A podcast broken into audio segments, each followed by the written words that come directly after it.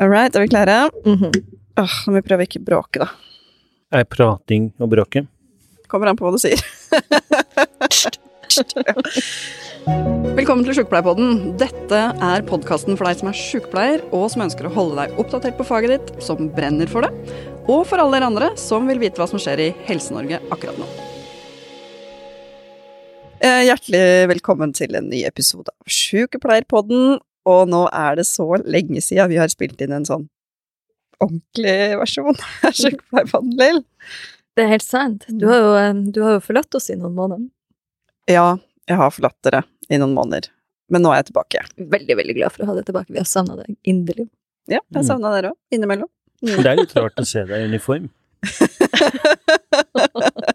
ja, jeg har vært på eh, Forsvarets eh, sjefskurs, og da, så nå går jeg i uniform eh, daglig.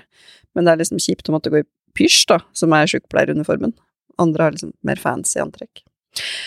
Men det var ikke poenget. Eh, eh, velkommen, eh, vi har med oss Kai Øyvind i dag, fordi dette er en eh, Så hei, og velkommen, Kai Øyvind. Takk og takk. Mm, Like så- morsomt hver gang.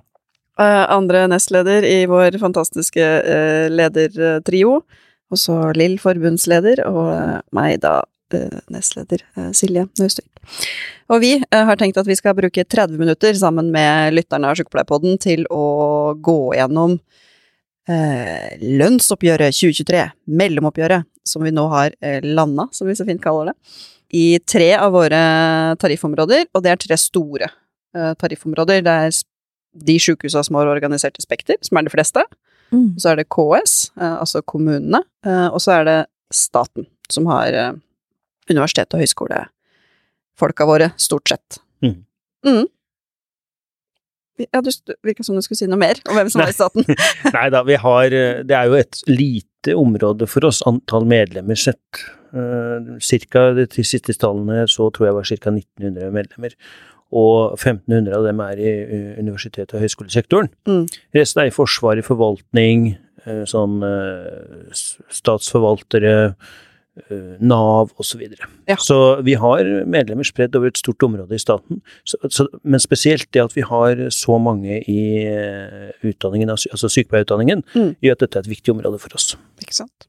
Men kan ikke begynne bare på toppen, fordi eh, eh, årets lønnsoppgjør det starta jo med at eh, eh, frontfaget forhandla. Mm. Og i år eh, så skjedde det unike, som aldri har skjedd i moderne tid under et mellomoppgjør, nemlig at de ikke ble enige Mm. i frontfaget, og det ble streik. Hva var det som skjedde? Det var en uenighet som var knyttet til eh, både ramme og profil. Eh, og ramme omhandler jo det som eh, Altså hvor mye penger, cash, er det du får forhandla frem i et tariffoppgjør som skal fordeles. Og profilen omhandler da hvordan er det du fordeler de pengene. Så her var det både en konflikt som var knytta til at ramma ble opplevd som for lav, og at de ønska en helt tydelig lavtlønnsprofil. Så mer av pengene fordelt til dem som var lavtlønna. Mm. Og dette her er jo da ikke sant, den konkurranseutsatte industrien. Det er ikke sånn veldig mange mennesker det er snakk om. Jeg sier alltid feil på det, men jeg tror det er rundt 30 000. 30 000. Og de fleste av dem eh, har jo, jobber typisk i en eh, eksportbedrift som går bra, og de får gode lokale forhandlinger. Så arbeidsgiveren de vil jo typisk være opptatt av at mye skal forhandles lokalt. Mens for LO da, så var det viktig at mye skulle eh, mest mulig skal tas sentralt, sånn at de Mm. som ikke har lokale forhandlinger, òg var sikra. Nettopp. Mm. Og det ble et frontfag som, eh, som landa på 5-2-2. Mm. Og da er det vel viktig kanskje å si også at det er jo et anslag. Det er altså altså ikke fasiten, men det er, og det, det er det sånn frontfaget er. Da skal partene sammen gi et mest mulig riktig anslag på hva de tror dette oppgjøret lander på. Men så, som dere har vært inne på, så er det jo to faktorer her. Det ene er at det skal skje lokale forhandlinger videre. Der kan det utløses mer penger. Det har vi jo sett de siste årene at det har gjort. Og det andre er jo at funksjonærene, altså de med høyere utdanning, de forhandler stort sett bare lokalt.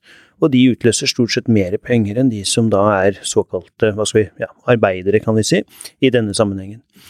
Og det har gjort at frontfaget de siste nå husker ikke jeg om det er tre årene, har jo Når fasiten kommer, da, og den kommer alltid året etter, så har det vist seg at frontfagsanslaget har vært lavere enn det som reelt sett har blitt resultatet.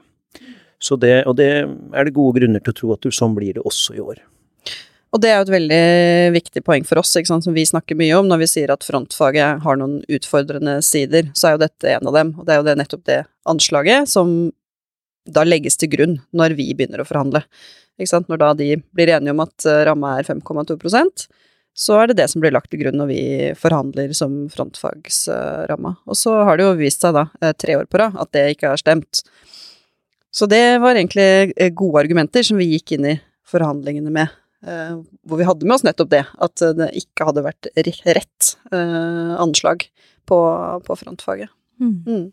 så er det vel viktig å si også at hvis man ser dette over noe tid, 20 år f.eks., mm. så har uh, vi truffet ganske godt, tross alt. Men det er et problem når vi bommer så mange år på rad, og spesielt nå i år, når prisvekst og renter og sånt gjør at, uh, at det er større behov for å løse ut en reallønnsvekst, som man sier, også at lønnsøkningen er høyere enn prisveksten. Og da, da, kan ikke vi på en måte fortsette å bomme på det heller, så derfor så har det vært viktig for oss å frembringe disse argumentene også i, i forkant og under forhandlingene. Mm. Nettopp, og det er jo noen ting med at ikke sant, frontfaget har en ramme da på 5-2, og så har du lokale forhandlinger som, der Norge og bedrifter, mange bedrifter går veldig godt, og dermed kan forvente en, en, en ekstra lønn i lokale forhandlinger, og dermed som pusher da, når fasiten kommer til neste år, så blir frontfaget sitt tall høyere. Det er det som ligger som en forventning, og det er det som har vært i senere år. Mens i våre forhandlinger i offentlig sektor, så når det da blir lagt ei ramme, så selv om vi har lokale forhandlinger, så er det jo ikke akkurat sånn at det presser opp ramma av den grunn. Vi må på en måte forholde oss til den ramma uansett om vi velger sentrale eller lokale forhandlinger. Eh, og det er jo det fasiten da sånn sett også har visst eh, over år, at etterslepet i offentlig sektor, eh, som våre medlemmer tilhører, i all hovedsak, eh, har vært eh, for stort i forhold til det frontfaget. Mm. Og så var eh, LO gikk jo ut av den streiken og solgte det som en seier, ikke sant, både fordi de hadde fått mer da til sentrale forhandlinger, men også fordi at ramma ble hele 5,2% Og det er veldig mange år siden det hadde vært over femtallet. Men det handler jo også selvfølgelig om at prisveksten er eh, kjempehøy, og den var anslått på det tidspunktet hvor de ble enige til 4,9% Så da var det liksom i, i virkeligheten en reallønnsvekst på, på 0,3% som var viktig for eh, LO, da. Mm. Og prisstigninga vet vi jo heller ikke fasiten, det er jo akkurat det, det er et anslag, og så vet man heller ikke fasiten på det heller eh, før til neste år. Og nylig anslag eh, på prisvekst er jo da på 5,4, så det spørs det hva som eh, blir gjeldende til neste år. Det ja. vet vi ikke. Nei, og det er det, det, det, er det som lå i, er, altså i revidert nasjonalbudsjett nå, var 5,4, mm. så det kjente jeg det ble litt svett over, for vi var jo ganske fornøyd med det vi hadde fått til, som vi skal komme inn på nå øyeblikkelig. Men plutselig så kan det vise seg at det er spist opp av prisveksten. Mm som vi alle eh, kjenner på, eh, har blitt eh, høyere. Høyere, ja. Hmm. All right. Men eh, da, etter at eh, frontfaget var ferdig, da, og mm, så visste jo vi eh, da at det var 5,2% og så visste vi jo at det var et mellomoppgjør. Er det noen som har lyst til å forklare hva forskjellen på et mellomoppgjør og hovedoppgjør er? Den enkle versjonen ut av det at mellomoppgjøret diskuterer vi kun penger, og dermed fordeling av det på en profil, mens et hovedoppgjør så er det da er det andre arbeids... Eh, altså lønns- og arbeidsvilkårsbestemmelser som, eh, som, eh, som, kan forhandles om. Så mellomoppgjør, kun pengene. Yes. Mm. Og det er kanskje ikke så vanlig å streike under et mellomoppgjør heller? Nei, det betyr ikke at det ikke har skjedd, men det er ikke så vanlig. Vi har gjort det for uh, sist mellomoppgjør, men uh, ikke så ofte. Mm. Mm. Yes. Og da var det KS som uh, var uh, først ut, uh, KS og staten. Vi hadde sånne parallelle forhandlingsløp denne gangen, og det blir jo ofte sagt at i offentlig sektor så er det KS da, som er frontfaget. Nå lager jeg hermetegn. Frontfaget. Fordi de, dere skal liksom forhandle først. Vi venter litt på dere. men vi, vi forhandler jo helt parallelt, og så sitter man litt og venter. Så er det Oslo kommune selvfølgelig også som er i tillegg, og de sitter og venter igjen da på KS. De sitter og venter på KS. Mm, helt riktig. Mm. Ja, tradisjonelt Nå trodde jeg du sa KS. Så, Nei, jeg sa staten. Um, Eller håper jeg gjorde det, fordi staten, så er det um, Staten har tradisjonelt blitt sett på for å være frontfaget i offentlig sektor. Jeg tror den rollen er nok noe redusert de siste årene, men i år mm. så kan det virke som om det hadde en, en, en rolle. Så ja. Mm. Eh, vi, vi, kjente jo litt på det, men samtidig så var det litt sånn hvem venter på hvem i dette oppgjøret her? Mm, mm. Litt som Lill er inne på, her sitter alle og venter litt på hverandre. Men, men det er jo alltid sånn at noen går først. Mm. Og i år ble det staten. Og vi hadde jo eh, frist samtidig. Altså både staten, Oslo kommune og, og KS hadde frist samtidig, natt til 1. mai som forhandlingsfrist. Så da satt vi der, da, inn i natten, inn i den eh, vakre vakre mai Det var ikke mainatta, da, men aprilnettene, å og forhandle. Kan ikke du fortelle litt om eh, hvordan det oppleves fra staten, eh, forhandlingsutvalget i Unistat, eh, Kevin? Jo, altså vi satt jo ikke utover natta i år, da. Eh, I år så eh, I og med at det er eh, bare penger det skal forhandles om, og i stat så er det jo nå sånn, som dere kanskje husker fra i fjor, at vi gikk over en ny avtale hvor vi samarbeider med akademikerne. Det vil si at all fordeling eh, av pengene som man blir enige om skal fordeles, skal gjøres lokalt. Så når vi forhandler om penger, så er det altså kun eh, ramma vi egentlig snakker om, og eventuelt eh, de få minstelønnssatsene vi har, bl.a. på stipendiater og, og ansatte med mastergrad. Så i realiteten så er det ikke store temaer å diskutere. Det er eh, strengt talt to temaer vi diskuterer. Det ene er eh, selve ramma. Hvor skal den ligge? Frontfaget for 5,2. Det var liksom det vi visste. Det andre tallet som er til diskusjon, er eh, glidningstallene.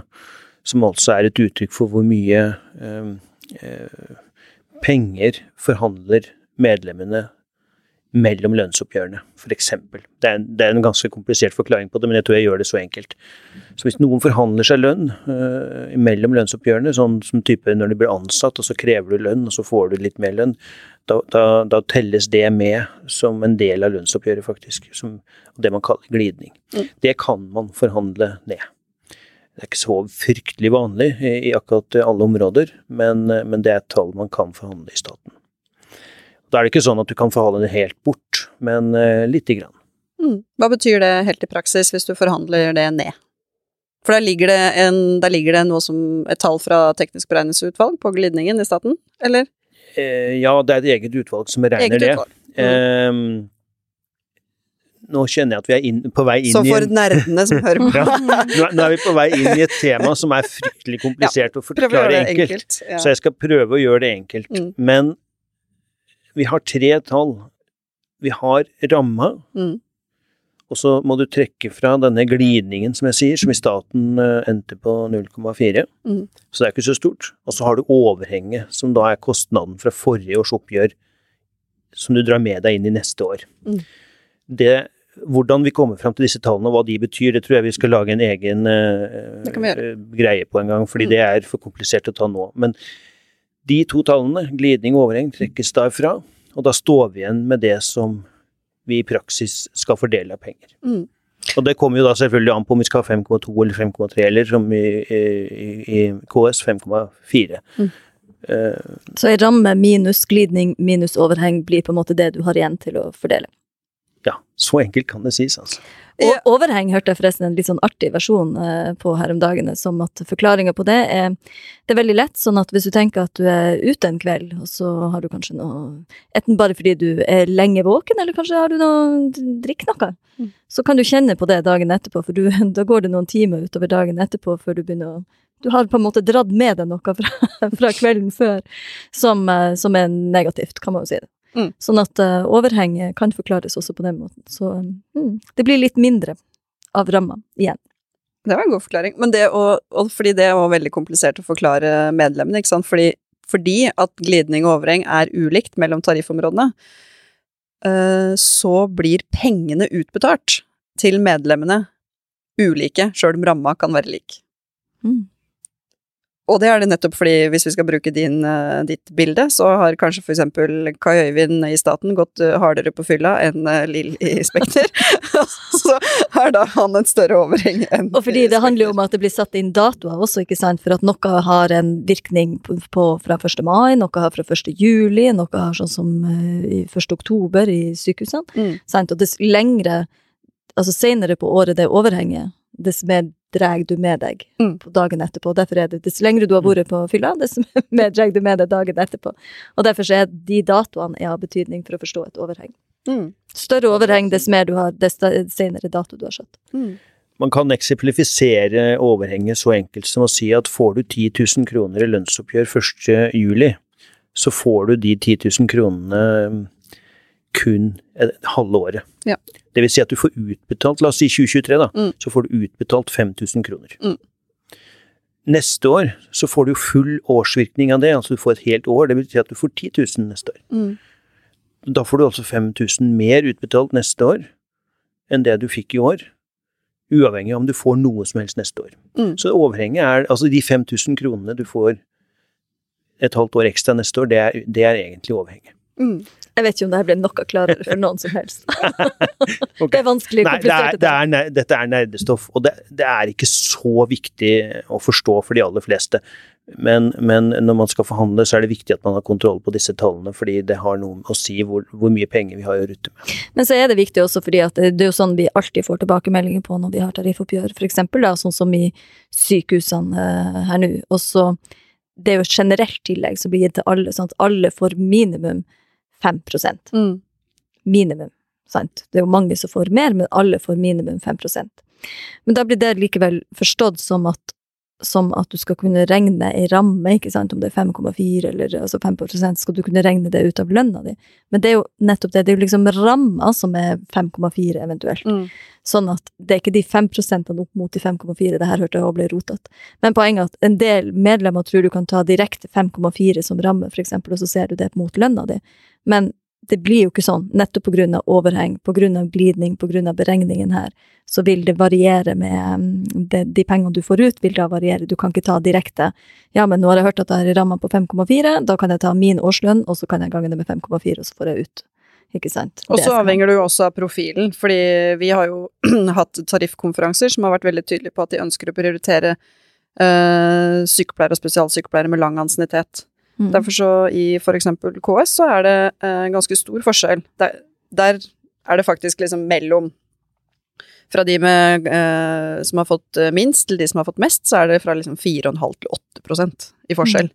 Men ramma er allikevel eh, 5,4. Og det handler om hvordan vi prioriterer pengene. Og i sykehuset sammen fra 5% som et minimum til ja. 8 Ikke sant. Mm. Ok. eh, da, men hva landa dere på da til slutt? Dere ble enig i Mm. staten, Kai uten mekling. Det er riktig, og det er ganske Det er nesten litt spesielt. Vi har jo sjelden klart å komme til en enighet i, i staten uh, uten mekling. Mm. Eh, skal kanskje være litt forsiktig med å gå inn i detaljene hvorfor det endte slik, men, eh, men jeg kan i hvert fall si det sånn at uh, vi er fire hovedsammenslutninger som uh, forhandler samtidig. Uh, sånn er det jo ikke bare hos oss, nei, heller bare i stat, men for oss er det sånn. Det er LO, YS, Unio og Akademikerne. Og vi har jo forskjellige, forskjellige ønsker om hva vi vil oppnå i disse forhandlingene, selvfølgelig, fordi medlemmene har ulike syn på hva som er viktig for, for seg og Mm. sin organisasjon. Og det gjorde vel at eh, vi kom i en posisjon hvor eh, de andre så eh, raskt at størrelsen på oppgjøret og profilen var eh, ok for dem. Og, og da kom vi i en posisjon hvor vi også måtte tenke litt på hvordan vi skulle løse dette. Vi hadde nok et, en tanke om at vi skulle høyere i ramme enn det vi endte på, som ble 5,2. Som da er det samme som frontfaget sitt anslag. Eh, men vi har da, som, det var derfor jeg var så viktig å snakke litt om det i starten, Mm. vi forhandla da ned eh, glidningstallet noe med 0,2. Eh, og eh, så kan man jo regne sammen og se omtrent hvor, hvor, hvor, hvor man da er, omtrent ender. For det er jo da å trekke fra 0,2. Ja. ja. Ja. Da Så hva er 5,2 pluss 0,2? ja, ja, det blir Det kan jo lytteren eh, Ja, Så kan man jo regne det på, selv. siden det bestått Så jeg, jeg skal ikke påstå nå at uh, vi kan si at ramma er 5,4, det tror jeg ikke blir helt riktig, men, men øh, det går jo an å regne det på den måten. Og så kan man diskutere glidningstall og alt dette, men det, det skal jeg ikke gå inn i. Men det, vi kom jo til slutt til, selv om vi brukte mer tid enn de andre, vi holdt jo på uh, drøyt, uh, ja ikke et døgn, men øh, nesten et døgn ekstra. De andre tre ble jo enige fredag ettermiddag, vi ble enige eh, sånn midt på dagen på lørdag. Vi Mm. brukte litt tid, og vi drodla fælt over hvordan vi skulle gjøre dette her. Men vi eh, kom til at dette måtte være, være akseptabelt. Mm. Og det er hele tiden en totalvurdering. Hva, hva, hvordan skal vi gjøre dette. Og igjen, det er viktig for oss å sikre våre medlemmer i hele statlig sektor et godt lønnsoppgjør, ikke minst de som jobber innen utdanningssektoren, fordi vi har behov for å rekruttere flere sykepleierlærere. Eh, de er veldig erfarne, eh, våre lærere, men det betyr også at vi har en litt høy alderssammensetning på vår gruppe der. Det betyr at vi er nødt til å rekruttere nye. og Skal det være attraktivt å jobbe i den sektoren, så må det på en eller annen måte kompenseres lønnsmessig. Det kan ikke være sånn at det lønner seg å jobbe nær sagt eh, som lærer eller hva som helst annet i alle andre sektorer enn i staten. Så attraktivt er det ikke å jobbe i staten. Og det er jo sånn at de fleste går ned fra å jobbe i klinikken, både på sykehus og i kommunen, og hvis du da begynner i stat, så går du ned i lønn. Og hvis du begynner på stipendiat, som jeg gjorde for å ta en doktorgrad, jeg gikk ned 100 000, da skal du, da skal du, da skal du ha bra lyst. Ja. Stipendiatstillingene er dårlig lønna over alle, hele sektoren. Jeg er kjent så, med, så, kjent med KS, jeg vet nesten ikke om dere har det, men, men, men eh, også i Spekter så er jo stipendiatstillingene sånn generelt sett altfor lavt uh, lønna. Men eh, det, det, ble jo gjort en endring i fjor, hvis du bare kan si litt kort om det. For vi gikk jo fra den store til den lille avtalen, som det heter. Og det betyr jo at det er litt annen måte å forhandle på i staten. Eh, to ord ja, om det. Jeg var så vidt inne på det i stad, da. Mm. Uh, og jeg kan si det sånn at vi gikk fra den store avtalen til den store avtalen. fordi uh, vi var i en samarbeidsavtale med YS og LO. Mm. Uh, som uh, da sammen med Unio ble den helt klart største avtalen i, i, staten, med akademikerne på den andre siden, som da ble kalt den lille avtalen. I fjor så bestemte vi oss uh, av den profilen vi fikk i, i Unio- og LO-samarbeidet, som var veldig prega av lavtlønn og lavtlønnsproblematikk, som ikke stemte med vår profil, hvor vi ønsket mer til de med høyest utdanning. Dette ble jo helt snudd på hodet når de med mm. lavest utdanning fikk mest. Um, så skjønner vi godt at uh, de med lavest lønn også skal ha et godt lønnsoppgjør. Men i stat så har det blitt sånn nå at de lavtlønna i staten uh, tjener jo mer enn noen annen lavtlønn til noe annet tariffområde, mens de med høyere utdanning tjener dårligere enn noen annen i noen annen sektor. Så Derfor er vi nødt til å gjøre et løft. Og Da fant vi ut at uh, akademikerne de er også interessert i å løfte de med høyest utdanning. Og når ikke vi fikk gjennomslag for det vi mente var viktig for oss i den såkalt store avtalen, så vi, prøvde vi oss på et samarbeid med akademikerne. Mm. Som da har blitt den største avtalen i, ja. i staten. Fordi Akademikerne Unio er sammen større enn LOIS.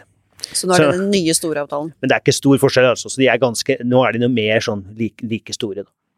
Mm. Men det betyr i praksis at det blir mer lokale forhandlinger? For oss så betyr det at det eneste vi forhandler er ramma og minst, noen få minstelønnssatser eh, sentralt, og så fordeles eh, pengene lokalt i lokale forhandlinger på hver virksomhet. Så det blir noe mer arbeid på våre eh, tillitsvalgte.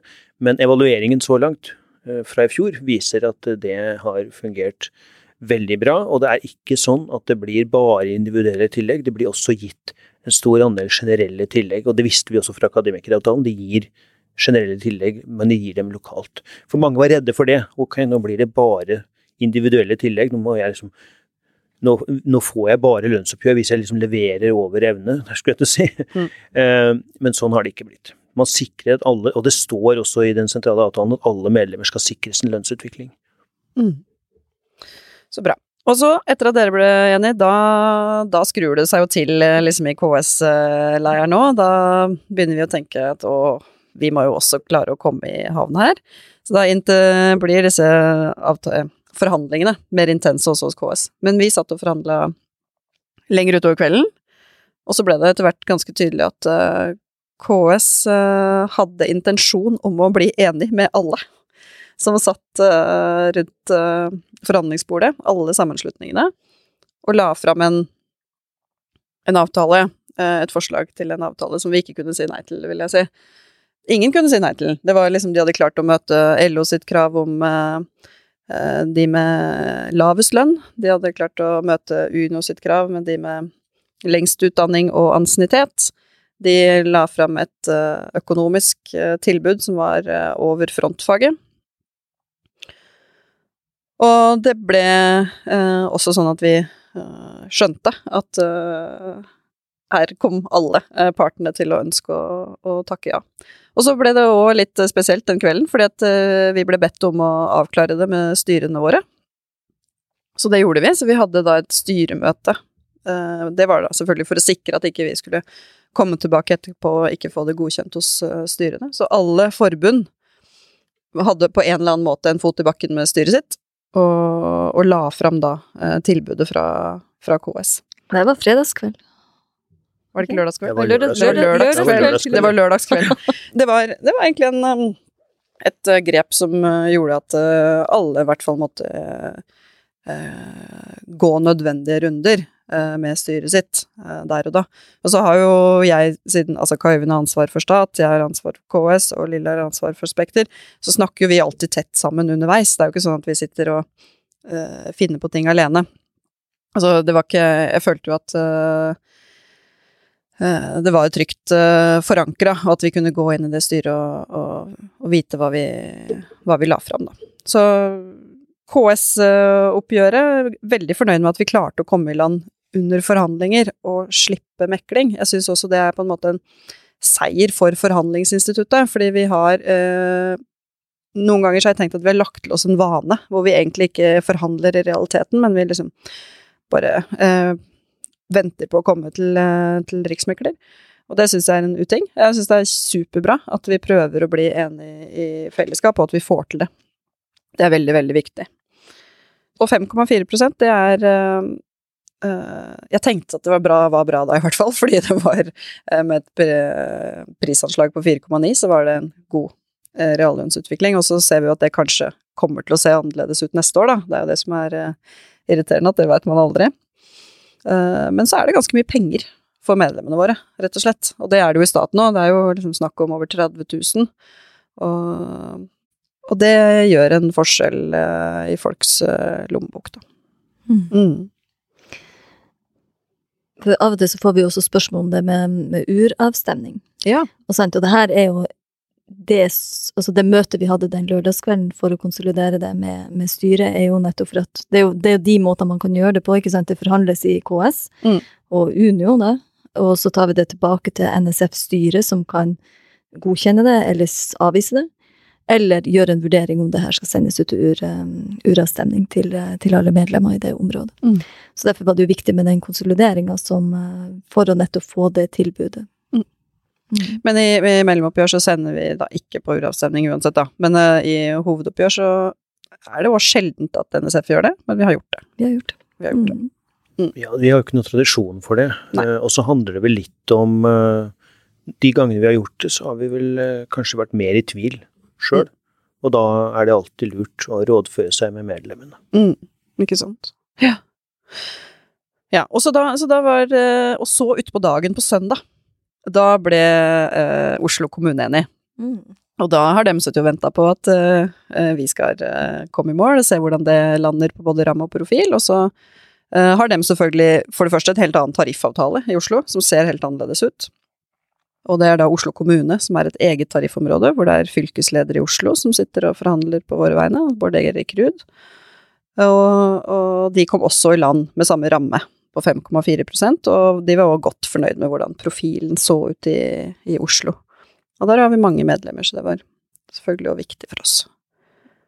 Og da var det eh, sjukehusene igjen, eh, Lill, og der hadde vi egentlig en avtale om å begynne å forhandle litt seinere.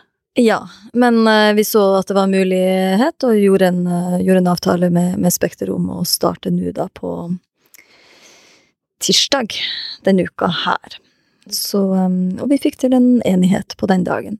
Spekterforhandlingen er jo, um, sånn som når du beskriver fra, fra KS her, um, så er jo det det er jo da Unio-forhandlinger. Mm. Og det er det jo også i Spekter, men vi har innledende forhandling, og det hadde vi jo i april, eh, der vi er Unio, og så var vi enighet da på det som heter A-forhandlinger, adelsforhandlinger, og så går vi videre derifra til det som da er A1 og A2 for våre del.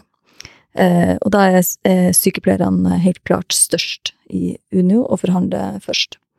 Og dernest så går det over til, um, til det som er bedelsforhandlinger for de eksempel radiografene som de har ikke de har ikke de sentrale forhandlingene, de går rett over til, til lokale forhandlinger. Så enighet i Unio Spekter har vi jo ikke ennå. Det må vi avvente til eh, etter de forhandlingene som er ute i juni. Men vi har en enighet i, i NSF eh, Spekter. Eh, og det er jo det er forhandlinger med Anne Kari Bratten. Det er sikkert en del av lytterne her som kjenner til Anne Kari Bratten. Hun har vært her i mange år og forhandla med oss på mange ulike for forbundsledere Mm. opp gjennom årene. Og mangt og meget kan hun si som hun, men hun er effektiv dame. Det, er- det liker jeg. Jeg liker den her liksom, konstruktive måten å forhandle på, og jeg, og jeg gjør det sjøl òg. Komme tidlig egentlig til uh, cut to crap. Mm. Kom tidlig til eh, saken både på ramme og profil. Sånn at vi, eh, vi, var, vi brukte den dagen til å forhandle og ble enighet, eh, enighet på kvelden. Da.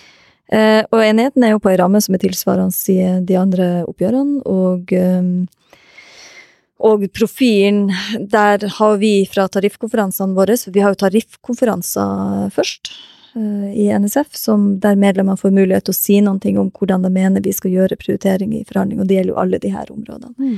Og tariffkonferansene fra, fra Spekter, eh, sykehusene, har gitt tydelige signaler om en, en, eh, en prioritering av spesialsykepleierne. I forrige landsmøteperiode hadde vi en en prioritering av sykepleierne. Denne perioden har det vært en prioritering av spesialsykepleierne. Og også de med både sykepleiere og spesialsykepleiere med lang ansiennitet. Eh, arbeidsgiver har noen andre behov. De ønsker å, denne runden ønsker de å prioritere de sykepleierne med ansiennitet fire til åtte år. Mm. Det er jo noe med, de konkurrerer jo om å beholde og rekruttere arbeidskraft, også dem. I konkurranse med KS eh, og kommunene, da Oslo kommune selvfølgelig.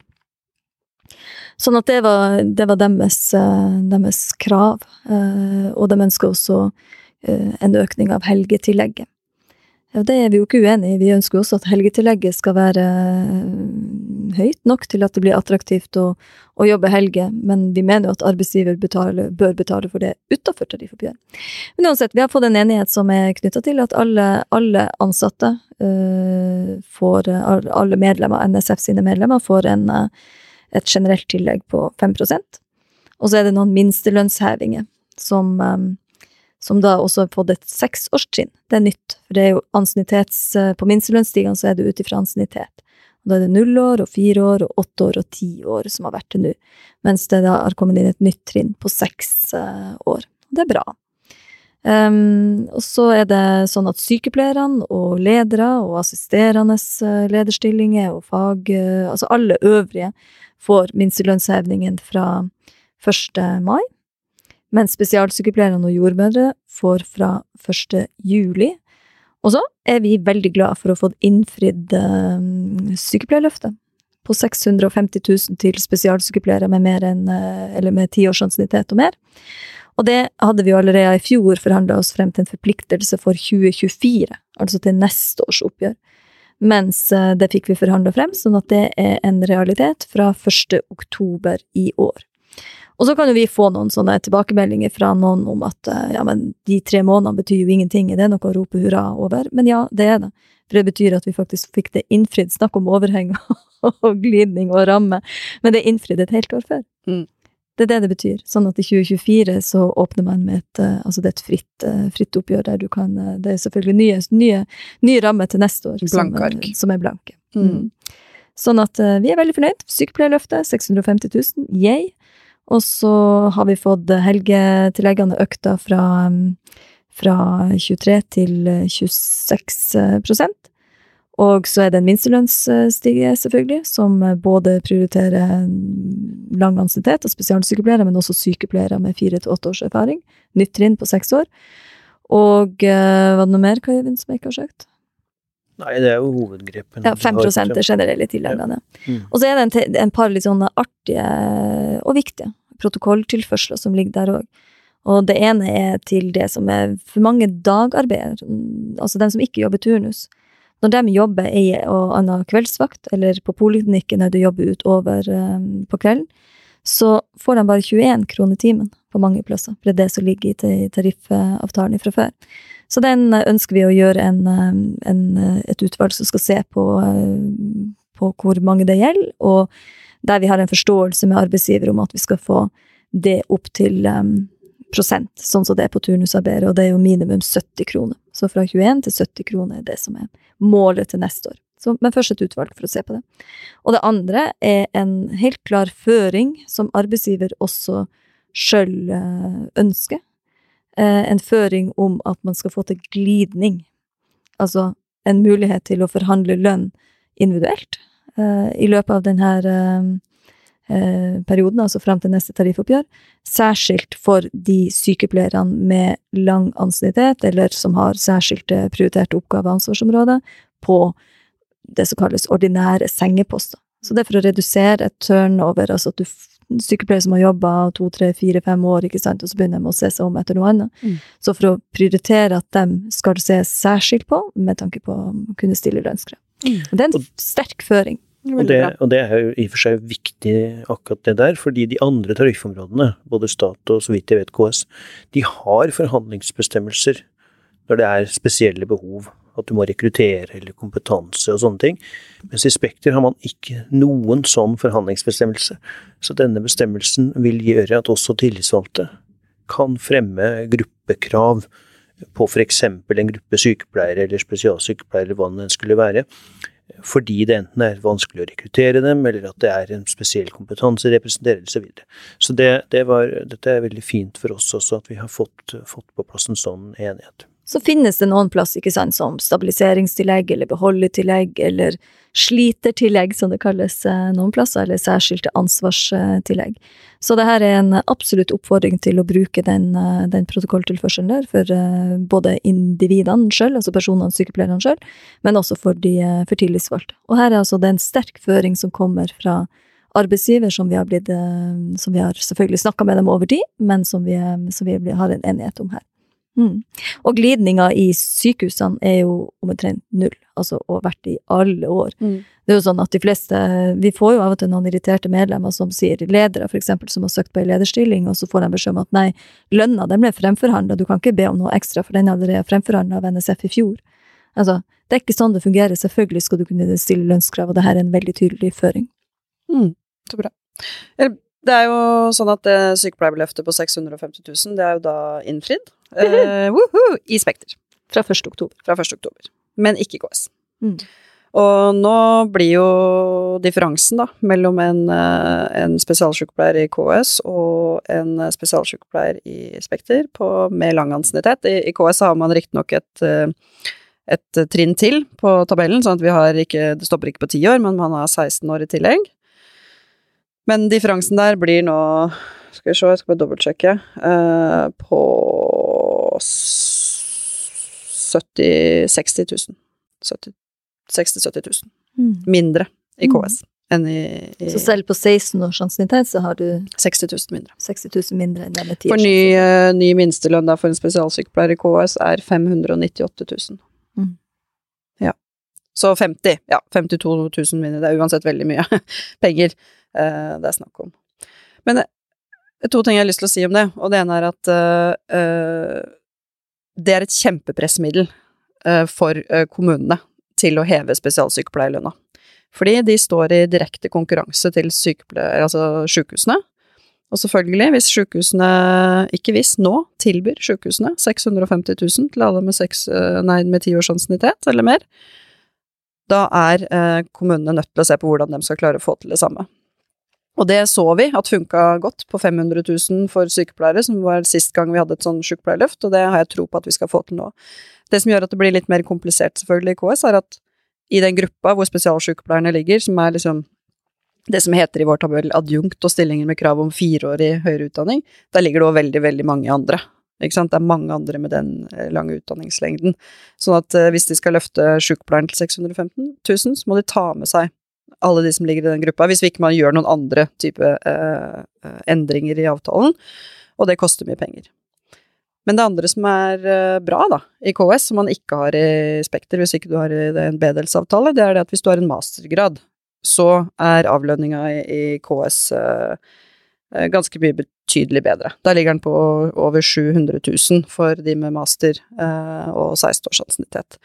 Så det er jo et eh, Der tenker vi at der skal vi jobbe aktivt for at eh, de som har masterkompetanse, som det etter hvert er ganske mange av, uh, sykepleiere som har, men som ikke får uttelling for det på lønnsstigen. vi må klare å plassere dem inn, sånn at de faktisk får avlønning som, eh, som masteren de har. Eh, og da fyker de plutselig opp over spesialsykepleierne i, i Spekter, hvis ikke de har andre avtaler i B-delen sin. Så her, det er jo litt sånn her det funker, og som gjør at eh, det er liksom dynamikken mellom tariffområdene som gjør at vi kan dra eh, litt hit og litt dit, og så får vi til noe der, og så får vi til noe der.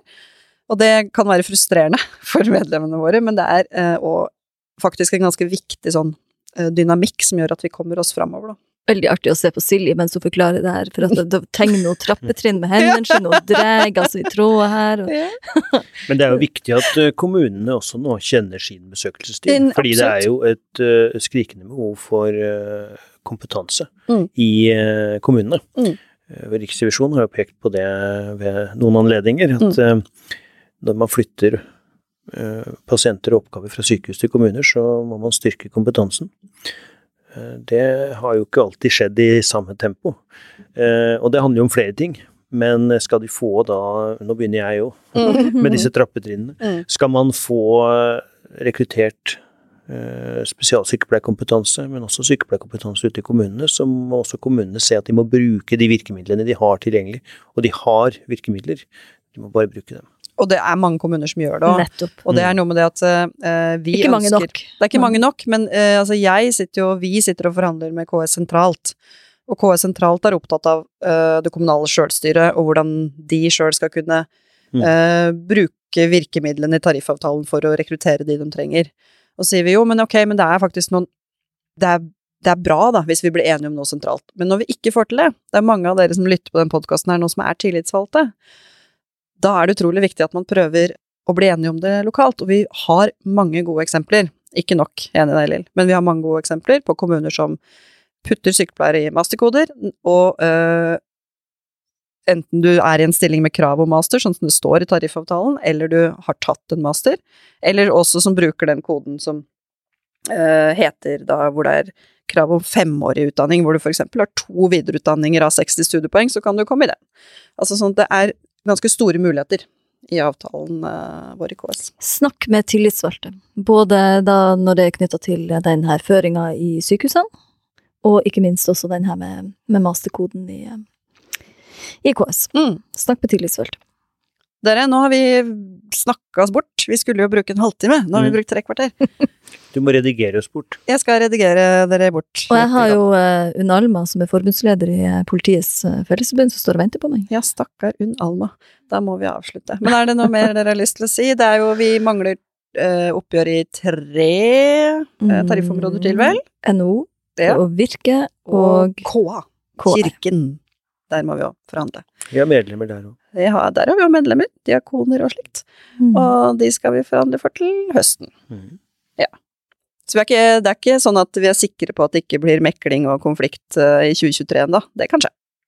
Vi har hatt eh, mekling og streik i privat sektor før. Det har vi. Ellers så venter vi jo da på fasiten som kommer til neste år, om hva den egentlige ramma både i frontfag og for vår del kommer til å være, og hva den reelle prisstigninga i lønnet kommer til å ende på. Det vet vi jo ikke. Fasiten får vi til neste år. I god tid før hovedtariffoppgjør. All right. Da tror jeg vi takker for oss. Tusen takk for at eh, dere hørte på, alle sammen. Og så uh, skal vi love å snart spille inn eh, flere episoder av Sykepleierpodden. Ha det!